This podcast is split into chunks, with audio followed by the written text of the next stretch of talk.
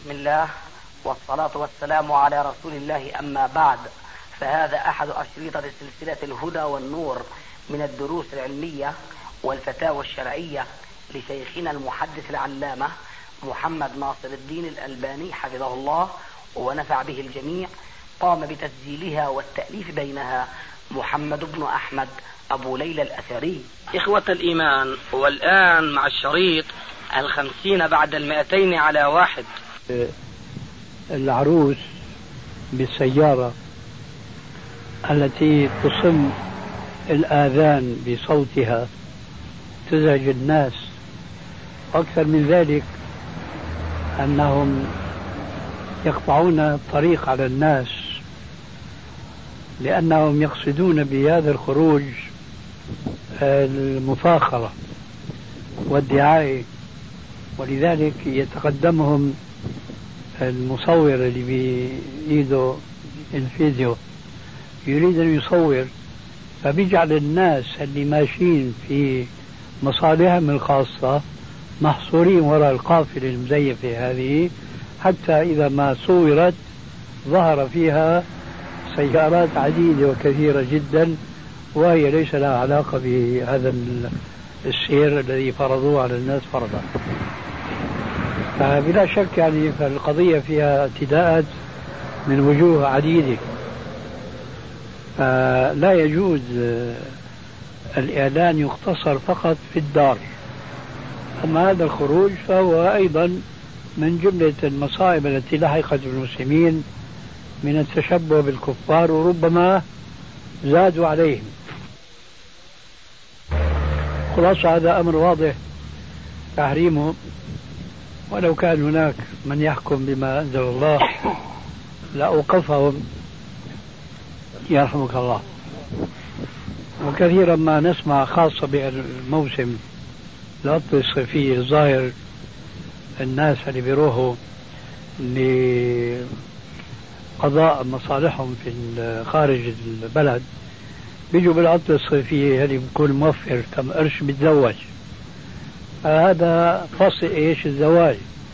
بتلاقي حفل زواج وبيجيبوا الجو الموسيقي وأمام المسجد والناس في الصلاة الموسيقى تعمل عملها. أظن الكفار في يوم الأحد وهن في الكنيسة ما بيعملوا العمل هذا إطلاقا. ولذلك فالمسلمون مع الأسف لم يبقى عندهم لا دين يتبعوه ولا عقل يهتدوا به. نعم. رجل اشترك مع آخر شركة معه ألف دينار. آه فشريكه قال له أعطيك مثلا 15% ربحا أو خسارة بالنسبة لهذا المال. فهل على هذه الصورة شيء؟ حيث الحكم.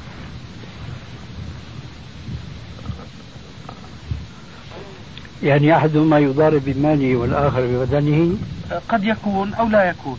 يعني صورة صورتان ما في تحديد جاء وإنما التحديد أو السؤال على على تحديد النسبة نسبة الربح يعني أو الخسارة 20% مش جاءت نسبة من المال كله أو من مجموع المال لكن الشريك الآخر قال أنا أعطيك 15% أو 20% على ربحا أو خسارة. هذا كيف صار شريك؟ لأنها شايف قضية دين ما هو شراكة. لا هو طبعا ما داين لأنه بده يخسر معاه.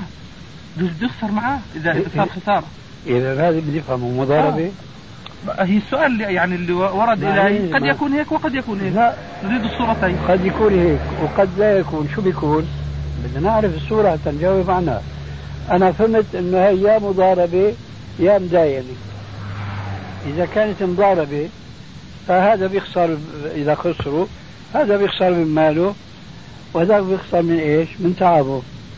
وإذا ربحوا بيربحوا اثنين بما اتفقا عليه. أما شيخنا يعني سؤالي برضه حول قضية التحديد. يعني بجوز مثلا الخسارة صارت أكثر من 20% إيه بس أولا تذكر نسبة ربح ونسبة خسارة. النسبة محددة. هي هي الإشكال يعني اللي ورد في مقابل إيش؟ نشوف شو نوع المعاملة يعني. يعني باب بدنا ندخل النوع من المعاملة. هل هو باب القرض؟ هل هو باب المضاربة؟ هل هو باب المشاركة؟ هذه مشاركة شريك إذا إذا هذا يشارك بماله وهذا يشارك بماله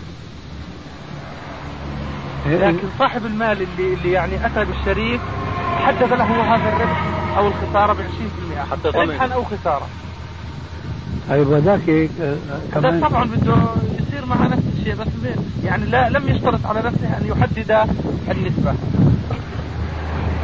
شيخنا اسمح يعني بمعنى إنه لو اجى مثلا واحد قال للثاني إذا اشترك وياك في بضاعة ب 1000 دينار ولكن إذا أنا بدي أربح مثلا فيها مربح كبير بدي 20% ممكن أربح هذاك 100% ما بيعطي 80% الثانيين.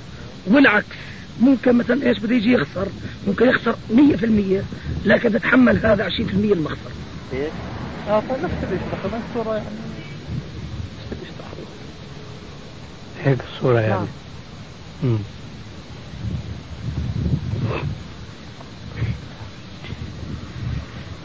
هي بعد حتى نقدر نجاوب بدنا نعرف آه أنا وياك مثلا. أنا أعطيتك ألف دينار.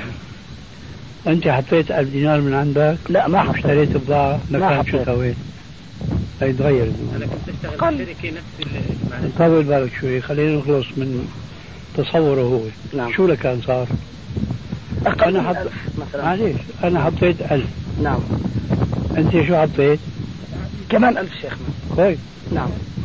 طيب. وساوينا بها الألفين اشترينا بضاعة؟ نعم. هاي آه شو جعلت أنت إلك وشو جعلت إلي؟ أنا قلت إذا أنت ربحت 100% أنا بس بدي منك 20% أنا إذا ربحت؟ أي نعم. ليه؟ ليش مو أنت إذا ربحت؟ ما هو اللي بدي تاجر فيها. ها؟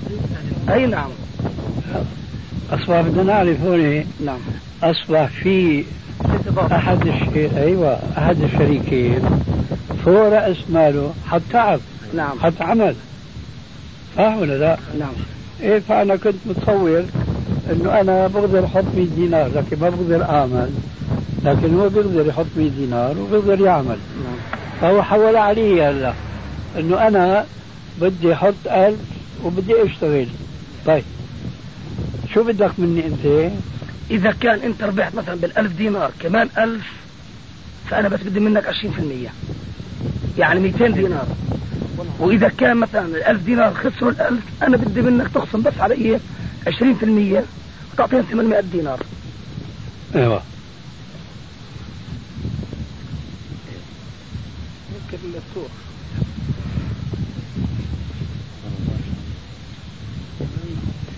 وإذا خسر المال كله بدك تجيب لي 80 بدك تجيب لي 80% لأنه أنا ال 20% أظن ما هذا سؤالك لا هو نفسه. طيب هذا ما ظاهر أنه لا يجوز. شلون شريك مضارب بالمال ومضارب بجهده إذا خسر بده يعوض الشريك الثاني هل مضارب بالمال دون الجهد آه. مين بده يجيب له التعويض هذا؟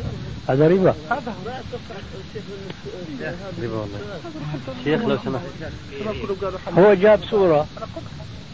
هو جاب صورة. ما بيهمنا بقى شو السؤال. الله يرحمه السؤال. انت حافظ السؤال يا أستاذ؟ أنا عم أسأل أنا عم أسأل سؤال. أنا سمعت في هذا أنا بسألك سؤال. أنت حافظ السؤال بيسجل لك أنا بدي أحكي لك اللي فهمته شيخنا رد عليك ما بيجي معك ساعة يبدو, يبدو إنه في شركه يبدو إنه في شركة مصغرة وشغالة. وجاء أحد الناس يريد إنه يشغل 1000 دينار. فصاحب ال 1000 دينار قال لصاحب الشركة المصغرة أنا معي ال 1000 دينار بدي أشغلهم. فاشترط عليه إنه أنت بتربح 20% وإذا خسرت تخسر 20% هذا الذي يبدو. ولا في غيرك شيخ علي؟ هي. هي حتى لا مش نفس الصورة هو الإشكال في قضية حتى موسم الشنتات صورة. قال الآن أحمد هارس أيوة. موسم الشنتات معي أنا 200 دينار. وبدي أبيع شنتات ما بكفوا بدي كمان 1000 دينار. أعطيني 1000 دينار. قال له هذاك بس أنا بدي مثلا مربح 20% قال له أو مخسر 20% قال له أو مخسر 20% ومش البيع. ما بيجوز التحديد هذا. ما بيجوز التحديد مطلقا. شيخنا بالنسبة للأغراض الموجودة في المسجد نعرف إنها وقف لله تعالى. فهل يجوز لأحد لأحد أن يأخذ من المسجد مثلا كتاب يذهب به خارج المسجد يستفيد منه ثم يعيده؟ هذا يعود بما أنه وقف لله تعالى. الجواب يعود إلى شرط الواقف. كانوا قديما ينصون ويكتبون هذا الكتاب وقف على مسجد فلاني أو المدرسة الفلانية. لا يجوز إخراجه. يقول الفقهاء مع شيء من المبالغة. شرط الواقف كنص الشارع. شرط الواقف كنص الشارع. هذا الكلام له وجاهة. آه لكن في مبالغة من حيث التشبيه. آه شو وجهته؟ آه وجهته الآية اللي ذكرت أنت أظن. أوفوا بالعقود. هذا اللي أوقف الكتاب أو هذا المال لهذا المسجد شرط هذا الشرط والمؤمنون عند شروطهم. فيجب الوفاء به. لذلك قالوا باعتبار أنه مستند إلى أصل في الشريعة قالوا شرط الواقف كنص الشارع. لكن مع وجود مبالغة في تشبيه وجد مبالغة في التطبيق. وذلك أنه يتبين أحيانا أن تنفيذ شرط الواقف لا يحقق مصلحة شرعية أرادها الواقف. فالظاهريون عرفتوا من الظاهريون بقى مين هن هذه بفرقوا بين الصورتين. الظاهريون يقولوا شرط الواقف كنص الشارع. خلينا نجيب مثال. رجل أوقف أرضا ليبنى أو يبني عليه مسجدا. ومات الرجل. هذه الأرض كانت قريبة من البلد وكان البلد بحاجة إلى مسجد. لكن لأمر ما هذا الأمر صار عندنا في في بعض البلاد السورية كانت قرية عامرة بأهلها وسكانها في وادي. فجاء سيل عرمرم واكتسح القرية. عن بكرة أبيها. فاعتبروا بهذا السيل وأخذوا يبنون فوق على الجبل.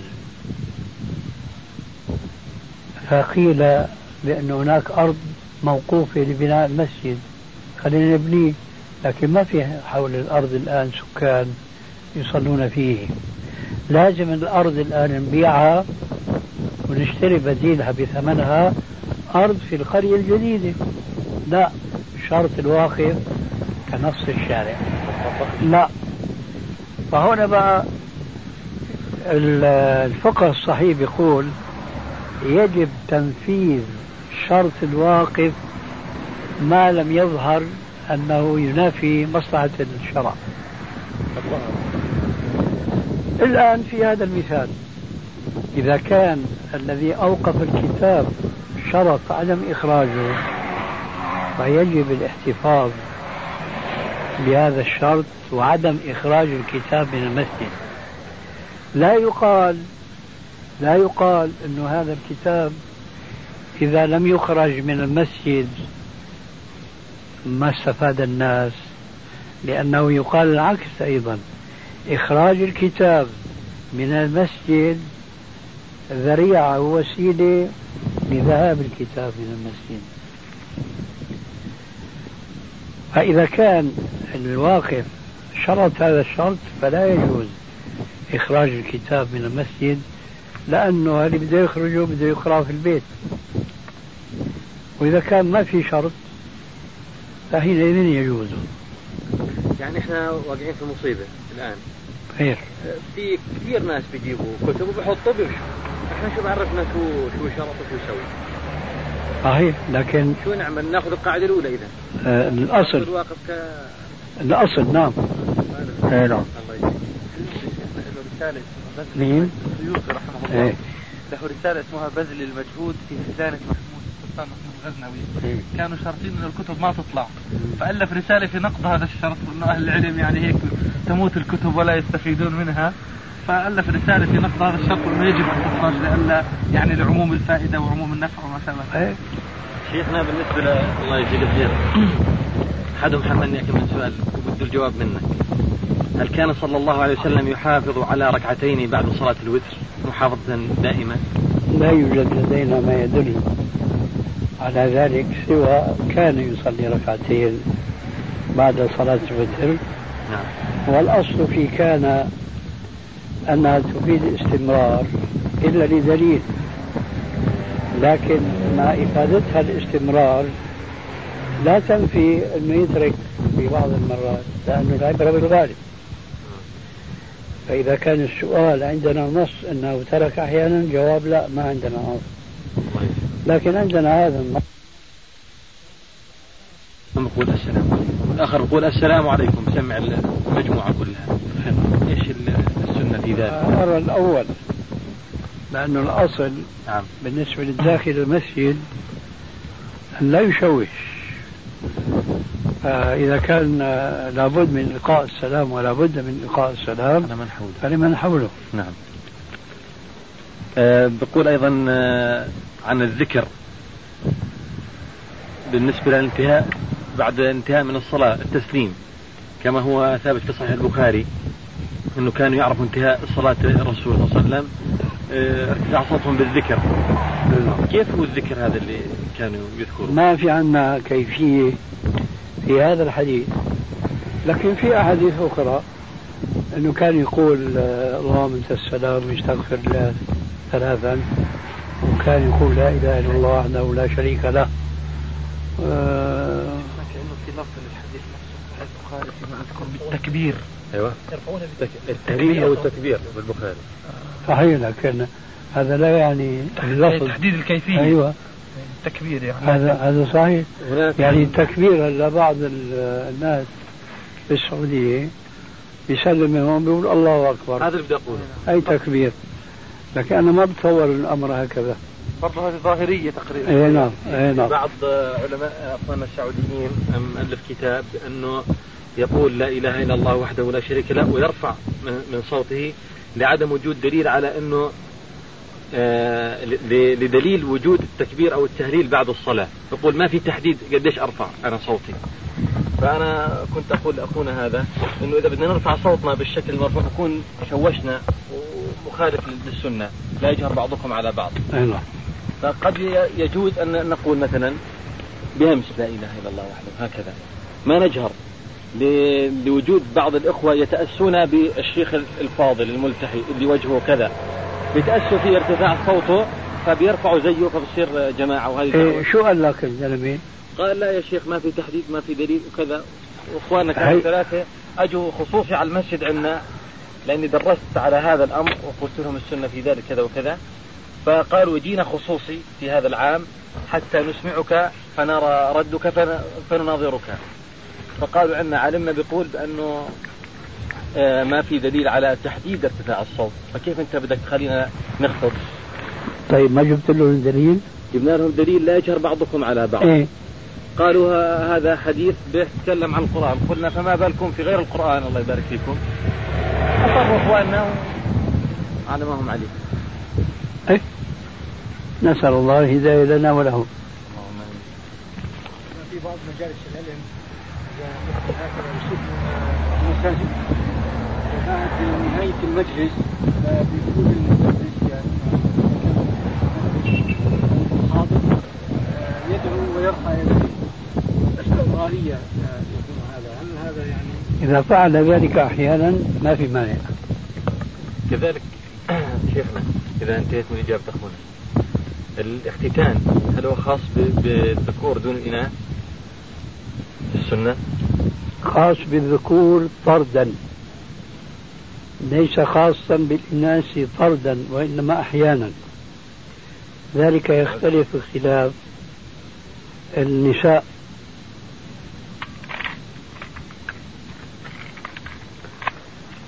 في بعض البلاد بعض النساء يكون هناك قطعة لحم. بارز يقطع. بعض البلاد وبخاصة البلاد الباردة لا يوجد هذا الشيء فلا يقطع. ولما كانت البلاد الحجازية بلاد حارة فكانوا بحاجة إلى مثل هذا الختان ولذلك الرسول عليه السلام أمر الختانة اللي كانت تختن النساء بقوله اخفضي ولا تنهكي. يعني لا تبالغي في القطع. وعلل في الحديث بأنه أنظر للوجه وأحظى للزوج. المبالغة في القطع يظهر والله أعلم أنه يعني آه، بخفف من الشهوة. وبالعكس الإبقاء على تلك القطعة من اللحم بيجعل المرأة مغتلمة بيهلك الرجل بعدين معها وخير الأمور الوسط. فمن كان في بلاد فيها مثل هذه النساء هذا هو الختان تفضل. الرجل عنده شركة وفي عنده سكرتير. المدير تبع الشركة بيشرب خمر. هذا السكرتير يعمل عنده يعني ولا ما يعمل؟ يعمل عنده. آه يعني لا سؤالك يعني اللي يعمل عنده. هذا هو. مدير الشركة بيشرب خمر. بيشرب خمر بحضور السكرتير. لا هو ما كان يشرب ها؟ ما يشرب خمر. كان شو عرفه بيشرب خمر؟ ها؟ أيوه. في المكتب. إيه. وما بيشرب هيك علنا. لا ما شرب. إذا ما كان مشكلة إلا هي معليش لكن أنا بتصور في مشاكل هذا ما طيب ما بتقول شركة؟ طيب شركة ما بتعامل مع البنوك؟ أيوه هذا السكرتير ما بيتعامل مع البنوك بحكم سكترته. قول بلا اذا هذيك تفضل كيف؟ ابن القيم رحمه الله في كتاب الفروسية لم يرى اشتراط المحلل بين المتسابقين فهل يجوز الرهان الآن بين على الخيول في في واقعها الحالي الآن؟ لا ولكل سؤال جواب ما دام بتقول في واقع الواقع الآن لا يجوز لأنه هذا ليس المقصود به الاستعداد للجهاد في سبيل الله بل المقصود به المقاومة.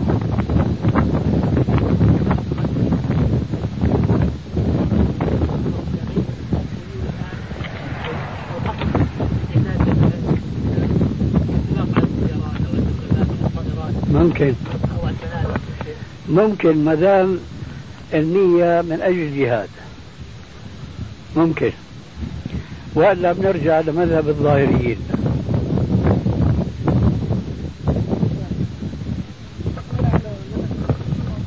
ذكر في ترجمة ابن القيم رحمه الله أنه رجع عن قوله هذا. فهل ثبت عندك شيء في هذا؟ لا ما عندي علم ما أعلم إلا ما ذكره هو. مين اللي ذكر هذا في الترجمة؟ ابن حجر وابن كثير في البداية والنهاية. ابن حجر في الدرر الكامل. إيه. أن القاضي السبكي لما يعني أتى استدعاه وعزره على ذلك. آه. هذا بعد تحت ضغوط ممكن. الله أكبر. كم كانوا مضطهدين نفس الشيخ تاريخ الله. نعم. مين بده يسأل؟ تفضل. بالنسبة للحديث اللي ذكرناه آنفا أنه إنما جعل الإمام ليتم به بالنسبة لشطرة إذا صلى جلوس يذكر الحميدي أن هذا منسوخ يعني أنه اللي يصلوا خلفه نعم. ما هو يعني قول فيها وما الذي نسخه؟ النبي صلى الله عليه وسلم صلى جالسا وصلى الصحابة وقوفا وهل يصح نسخ القول بالفعل؟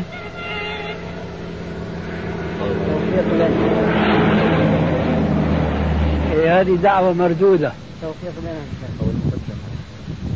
دعوة مردودة وذلك لأسباب كثيرة. فعل الرسول عليه السلام ليس فيه من القوة التشريعية ما في أقواله. فأفعاله المشروعة فضلا عن أفعاله. ما أقول غير المشروعة وإنما أقول أفعاله غير التعبدية.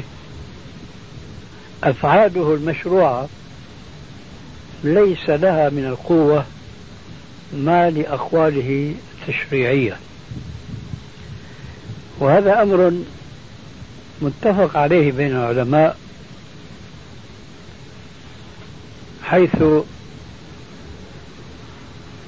يقولون بأن أقواله عليه السلام شريعة عامة.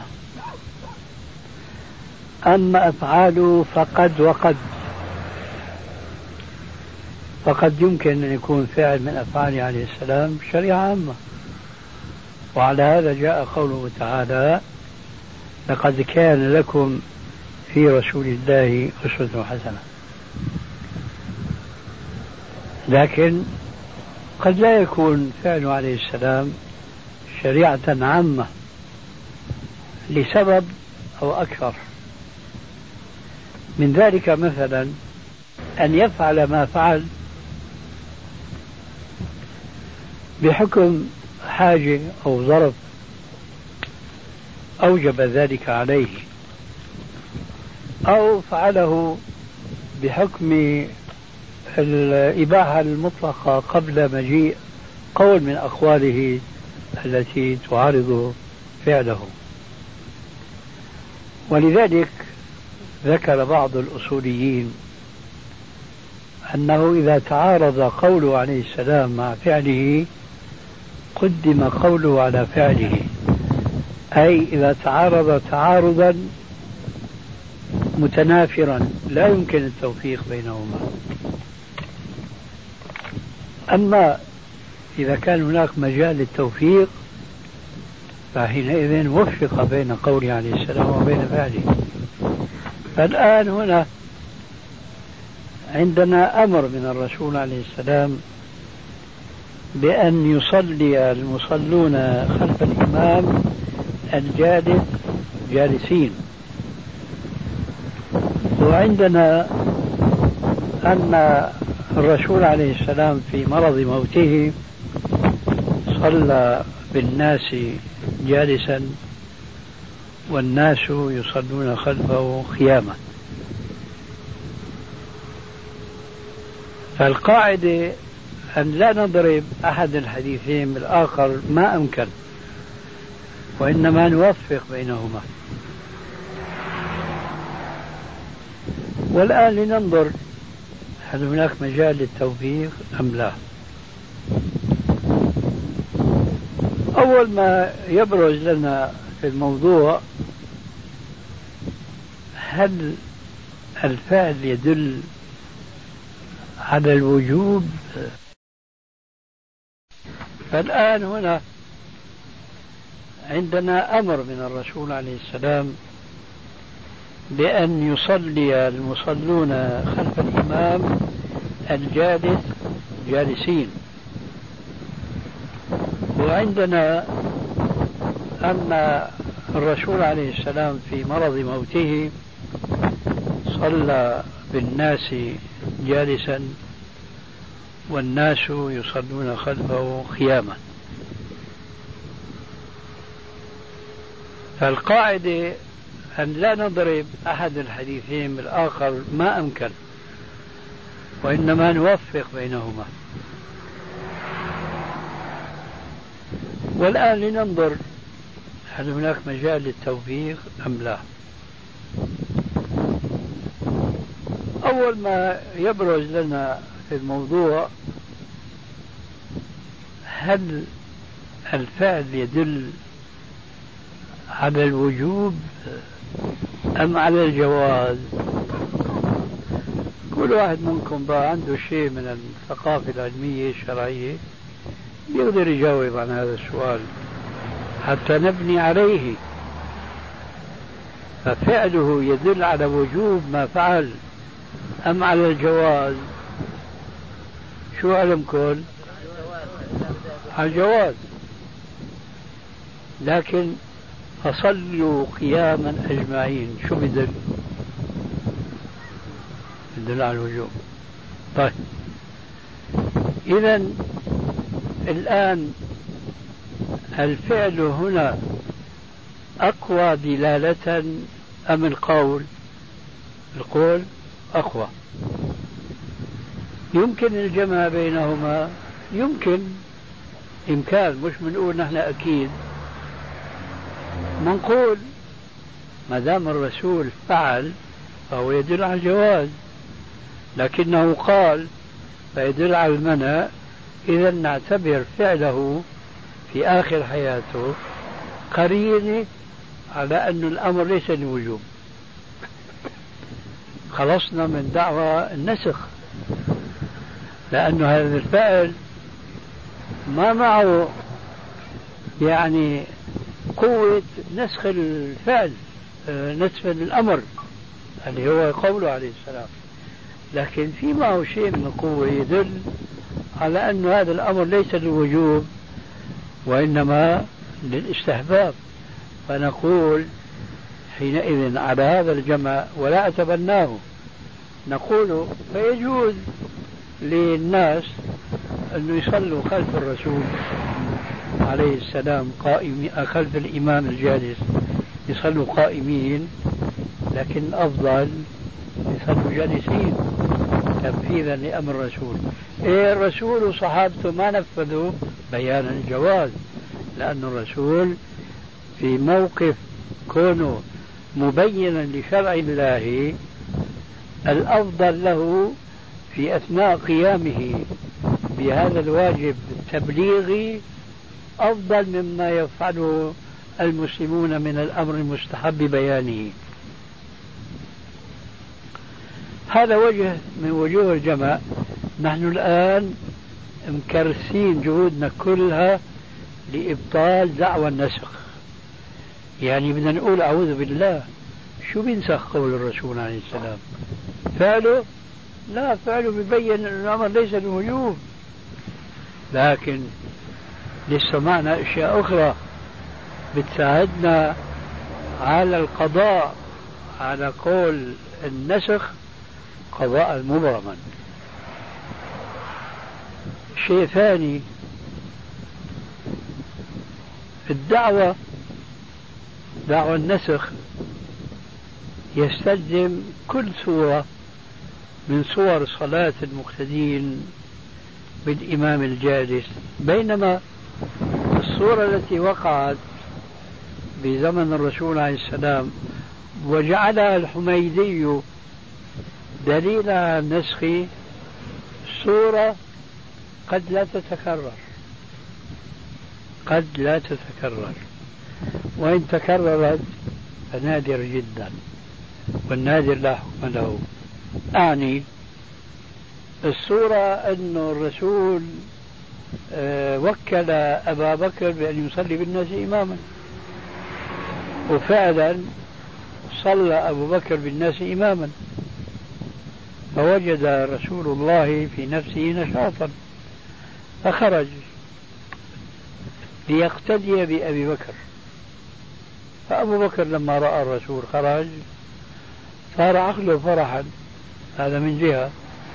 من جهة ثانية شعر بأن الوكالة تبعه انتهت مدتها لأنه الرسول وكله لأنه ما بيستطيع أن يصلي وهي جاي يصلي والحمد لله.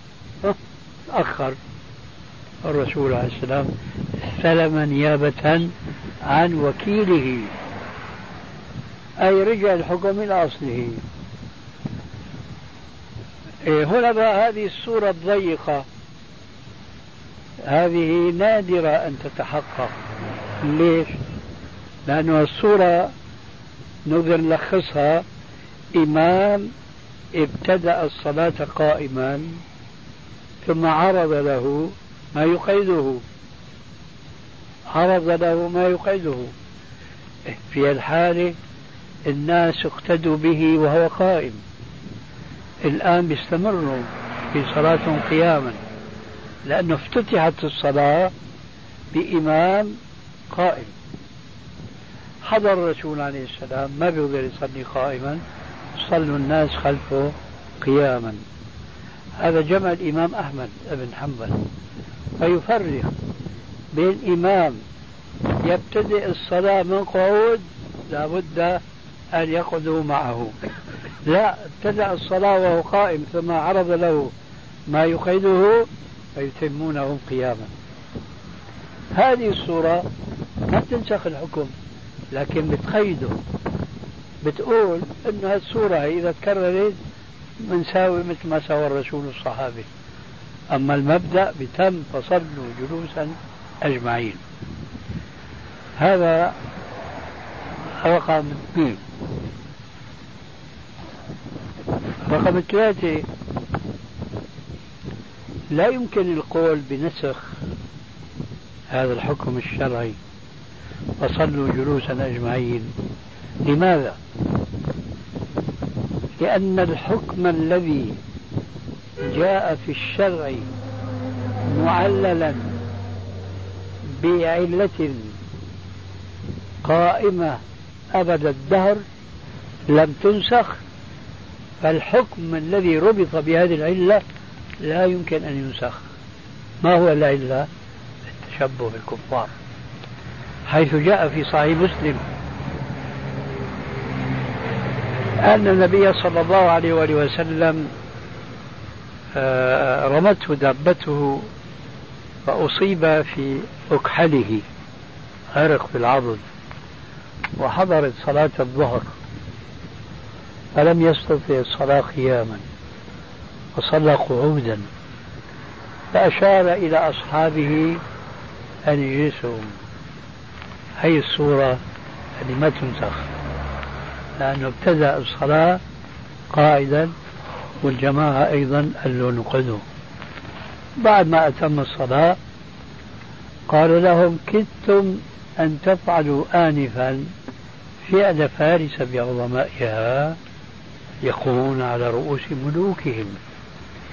إنما جعل الإمام ليؤتم به فإذا كبر فكبروا وإذا ركع فاركعوا وإذا قال سمع الله لمن حمده فقولوا ربنا ولك الحمد وإذا صلى قائم وإذا سجد فاسجدوا وإذا صلى قائما فصلوا قياما. وإذا صلى جالسا فصلوا جلوسا أجمعين.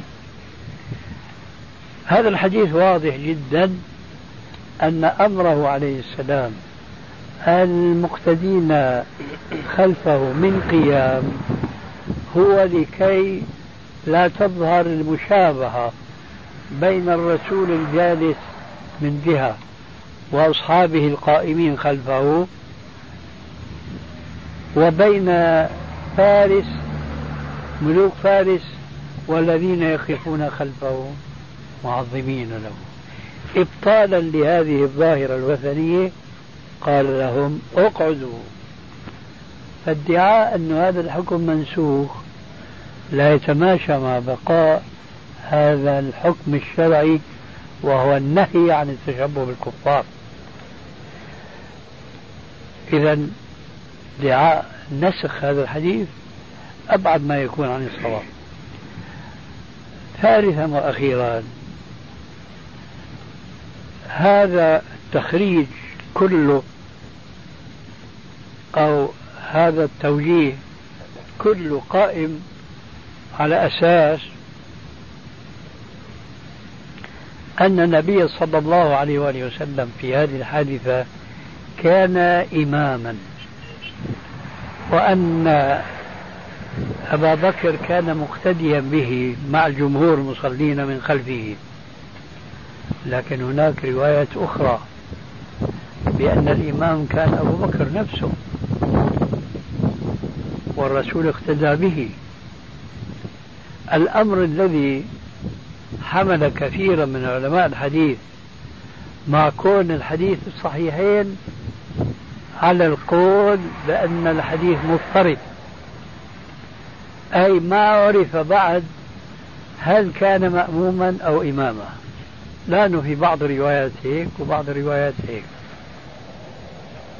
والراجح أن القصة ترد تكررت فمرة كان هو الإمام ومرة كان هو المأموم. ويرجح أخيرا أنه لا نسخ في ذلك أن هناك رواية في آه، مصنف ابن أبي شيبة بسند صحيح عن طاووس مرسلا أن النبي صلى الله عليه وآله وسلم في هذه الحادثة التي صلى بالناس إماما جالسا والناس خلفه قياما قال لهم إنما جعل الإمام ليؤتم به إلى آخر الحديث وإذا صلى جالسا فصلوا جلوسا أجمعين. الآن هنا ينقلب الموضوع ويقال حكم الصلاة المقتدي آه، قائما خلف الإمام الجالس هو المنسوخ. لأنه آخر ما صدر من الرسول في رواية طاووس المرسلة أنه في هذه الحادثة في آخر حياته قال لهم لا تفعلوا هكذا. وإنما إذا صلى جالسا فصلوا جلوسا أجمعين. طبعا هنا يوجد من بعض إخواننا من له مشاركة معنا في علم الحديث فقد يخطر في البال أنت بتقول أنه هذا من رواية طاووس والحديث مرسل والحديث المرسل من أنواع الحديث الضعيف ليه عم تحتج فيه؟ نقول لا نحن ما نحتج به إنما نستأنس به استئناسا. يعني محينا حديث طاووس من الوجود بالمرة ما خسرنا شيء لأنه حجتنا مش قائمة عليه. حجتنا قائمة على الأحاديث الصحيحة اللي ثابتة في البخاري ومسلم. وإذا صلى جالسا فصلوا جلوسا أجمعين. لكننا في صدد ترد قول من يقول أن هذا الحديث منسوخ بفعل الرسول. أجبنا بعديد من الأجوبة من جملتها أن الرسول في هذه الحادثة قال وإذا صلى جالسا فصلوا جلوسا أجمعين ولسنا بحاجة أن نصحح الرواية بهذه المناسبة وإنما نكتفي بالاستشهاد بها لا الاستدلال بها وفيما اتفق عليه بين الشيخين من صحة الحديث الذي ذكرناه في أول هذا الكلام وفيه وإذا صلى جالسا فصلوا جلوسا أجمعين. فإذا ادعاء الحميدي رحمه الله. نسخ هذا الحديث أبعد ما يكون عن القواعد العلمية ولكل جواد كبوة بل كبوات. نعم نعم. إن شاء الله طيب. مين راح يأذن؟ بس يطلع الخطيب يا شيخ إذا إذا إذا حدا بده يتوضأ؟ إذا توضوا علي يطلع شيخنا شيخ علي. بس لا لا مستعجل بعيد الجماعة. نعم. أي حصير هنيك عندك فضل هيك اسحبها هيك شوية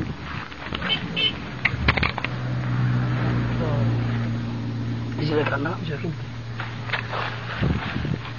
الله أكبر الله أكبر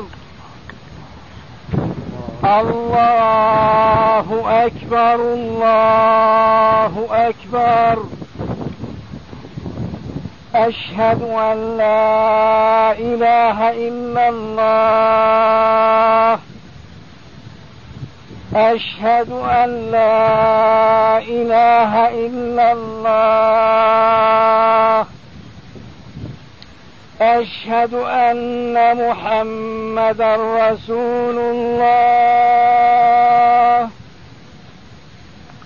أشهد أن محمدا رسول الله. حي على الصلاة. حي على الصلاة حي على الفلاح. حي على الفلاح. الله أكبر الله أكبر. لا إله إلا الله.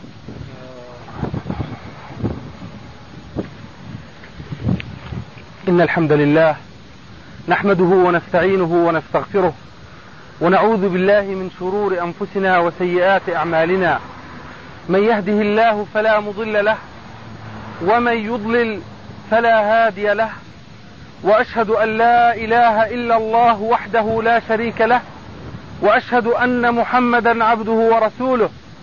أما بعد فإن أصدق الحديث كتاب الله تعالى وخير الهدي هدي محمد صلى الله عليه وسلم وشر الأمور محدثاتها وكل محدثة بدعة وكل بدعة ضلالة وكل ضلالة في النار. أما بعد فلقد قال نبينا صلى الله عليه وسلم فيما صح عنه ثلاث من كن فيه وجد حلاوة الإيمان. أن يحب المرء لا يحبه إلا لله. وأن يكون الله ورسوله أحب إليه مما سواهما وأن يكره أن يعود إلى الكفر بعد إذا أنقذه الله منه كما يكره أن يلقى في نار جهنم. إن هذا الحديث النبوي ذا الكلمات القليلة يحوي معاني عظيمة ينبغي على المسلمين جميعا أن يتأملوها وأن تعيها قلوبهم وأن تفهمها عقولهم وأن يستقر في أعماقهم وفي أفئدتهم. إن هذا الحديث يعطي للأمة عزتها ويبين للمسلم كرامته والمجد الذي أعطاه الله سبحانه وتعالى إياه بسبب التزامه بكتاب ربه وبسنة نبيه صلى الله عليه وسلم. أن يكون الله ورسوله أحب إليه مما سواهما وليست هذه المحبة مجرد كلمات تقال. ولا ألفاظ تتردد ولا أمانية يتمناها الواحد منا ولكنها واقع عملي وسيرة حياتية تمشي بها جوارحنا وتنطق بها قلوبنا وعقولنا وأفئدتنا وأيدينا وأرجلنا. أن يكون الله ورسوله أحب إليه مما سواهما مصداقا لما قال الله تبارك وتعالى في محكم آياته فلا وربك لا يؤمنون حتى يحكموك فيما شجر بينهم ثم لا يجدوا في أنفسهم حرجا مما قضيت ويسلموا تسليما. أن يكون الله ورسوله أحب إليه مما سواهما تسليما مطلقا ينبع من القلب وينعكس على الجوارح تسليما قلبيا فيه الرضا وفيه الطمأنينة وفيه الإخلاص لله عز وجل كما قال الله تبارك وتعالى أيضا في كتابه الكريم مبينا أن علامة محبة الله ورسوله هي اتباع النبي صلى الله عليه وسلم. قل إن كنتم تحبون الله فاتبعوني يحببكم الله. وكذلك أن يحب المرء لا يحبه إلا لله. فالنبي عليه الصلاة والسلام يبين في هذه الكلمة الطيبة المباركة الشريفة أن العلاقة التي ينبغي أن تكون سائدة بين الأمة كلها وبين المسلمين جميعا هي علاقة الإيمان هي هي العلاقة الربانية المنبثقة من كتاب الله سبحانه ومن سنة رسوله صلى الله عليه وسلم. فليست هي علاقة منبثقة من مصالح دنيوية ولا من مآرب شخصية ولا من أهداف. إنما تنبع من الدنيا ولا تصب في بحر الآخرة. أن يحب المرء لا يحبه إلا لله بقلب مخلص مخبت يعرف حق نفسه على أخيه ويعرف حق إخوانه على نفسه كما قال النبي صلوات الله وسلامه عليه فيما رواه الإمام مسلم مسلم في صحيحه عن تميم الداري رضي الله تعالى عنه قال قال رسول الله صلى الله عليه وسلم الدين النصيحة الدين النصيحة الدين النصيحة. قال قلنا يا رسول الله لمن؟ قال لله ولرسوله ولكتابه ولعامة المسلمين وأئمتهم. فهذا واجب أوجبه الله علينا أيها الإخوة في الله. من ذلك أيضا ما بينه جرير بن عبد الله البجلي فيما صح عنه قال بايعنا رسول الله صلى الله عليه وسلم على النصح لكل مسلم وكان يلقننا فيما استطعت. فهذا الواجب المهم لا يكون نابعا ومنبثقا إلا من قلوب مفعمة بالحب في الله ومطمئنة برضوان الله عز وجل. وكما قال النبي صلوات الله وسلامه عليه أوثق عرى الإيمان الحب في الله والبغض في الله. وكما قال النبي صلى الله عليه وسلم من أحب لله وكره لله وأعطى لله فقد استكمل الإيمان. وكذا قوله عليه الصلاة والسلام في الشطرة الثالثة من هذا الحديث المبارك الشريف الصحيح عندما قال وأن يكره أن يعود إلى الكفر بعد إذ أنقذه الله منه كما يكره أن يلقى في نار جهنم. نعم فالمسلم عزيز وأعز شيء في هذا المسلم هو إسلامه وهو الدين الذي أنزل الله سبحانه وتعالى الأنبياء كلهم وأنزل الكتب أرسل الأنبياء كلهم وأنزل الكتب كلها من أجل توطيد أركانه وتثبيت دعائمه وهو الدين الذي ندين به جميعا من توحيد الله وعبادته كما قال رب العالمين في كتابه الكريم وما خلقت الجن والإنس إلا ليعبدون ما أريد منهم من رزق وما أريد أن يطعمون إن الله هو الرزاق ذو القوة المتين وكما قال وكما قال ربنا سبحانه وتعالى في كتابه العزيز ولقد بعثنا في كل أمة رسولا أن اعبدوا الله واجتنبوا الطاغوت فهذا الدين الذي يفخر المسلم به ويعتز المؤمن بالانتساب إليه هو دين الله الذي ارتضاه لعباده الذي ارتضاه للجن والإنس وجعل خاتمة أنبيائه هو رسولنا محمدا صلى الله تعالى عليه وسلم. نسأل الله العظيم أن يوفقنا وإياكم لأن نكون هداة مهديين بالحق فاعلين وللكتاب والسنة داعين. إنه سميع مجيب. وآخر دعوانا أن الحمد لله رب العالمين.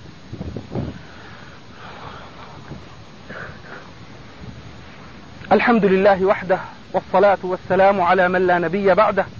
أما بعد فلقد صح وثبت عن النبي المصطفى صلوات الله وسلامه عليه أنه قال خصلتان لا تجتمعان في منافق حسن سمت وفقه في دين.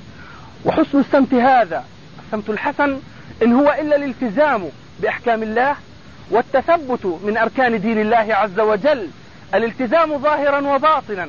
التخلق بأخلاق الإسلام وليس بأن نقول كلمات من هنا وهناك أو نسمع ألفاظا تتردد من بيننا أو من غيرنا لا. ولكن السمت الحسن هو واقع وهو فعل وهو تطبيق هو كما وصف البعض إنجاز التعبير هو قرآن يتحرك يمشي بين الناس آمرا لهم بالأحكام ناهيا لهم عن المناهي والآثام وقوله عليه الصلاة والسلام وفقه في دين خصلتان لا تجتمعان في منافق حسن سمت وفقه في دين والفقه في الدين أمر أحبه الله وأحبه رسول الله صلى الله عليه وسلم.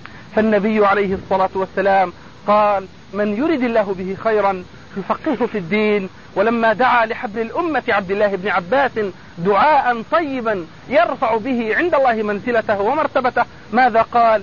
قال اللهم فقهه في الدين وعلمه التأويل أسأل الله العظيم رب العرش العظيم أن يوفقنا وإياكم لأن نكون ذوي سمت حسن نابض من كتاب الله ومن صحيح سنة رسول الله صلى الله عليه وسلم. وأن يفقهنا في ديننا وأن يجعل خير أعمالنا خواتمها إنه سميع مجيب. وأقم الصلاة. الآن بالنسبة لوجود الميكروفونات على المآذن في المساجد بترفع من الصوت حتى لو كان المسجد بعيد يعني المرء المسلم يسمع الأذان. فلا تلبية الأذان ذهابه للمسجد كيف ممكن نقدرها بالمسافة؟ يصلي في المسجد وجوبا تقدرها بسماع الصوت الطبيعي بدون الجهاز واضح الجواب؟ سمعناش الجواب سمعت السؤال؟ أعيده يقول يقول الشيخ إنه تقدير هذا الشيء يكون بالصوت الطبيعي. تقدر كم الصوت الطبيعي يسمع؟ فتقدره على طول. عليكم السلام.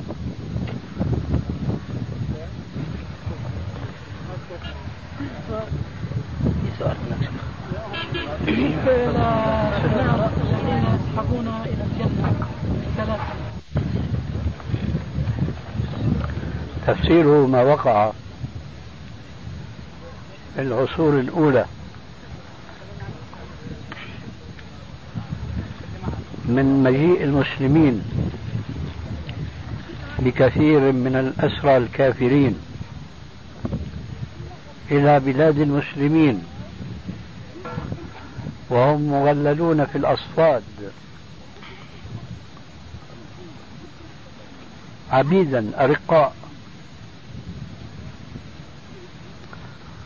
فبعد أن يسترقوا وبسبب الاسترقاء وبسبب هذا الاسترقاق خدمتهم لأسيادهم ولمن يلوذ بهم عرفهم بشيء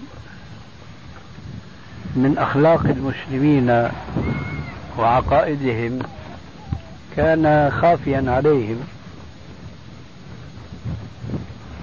ووجدوا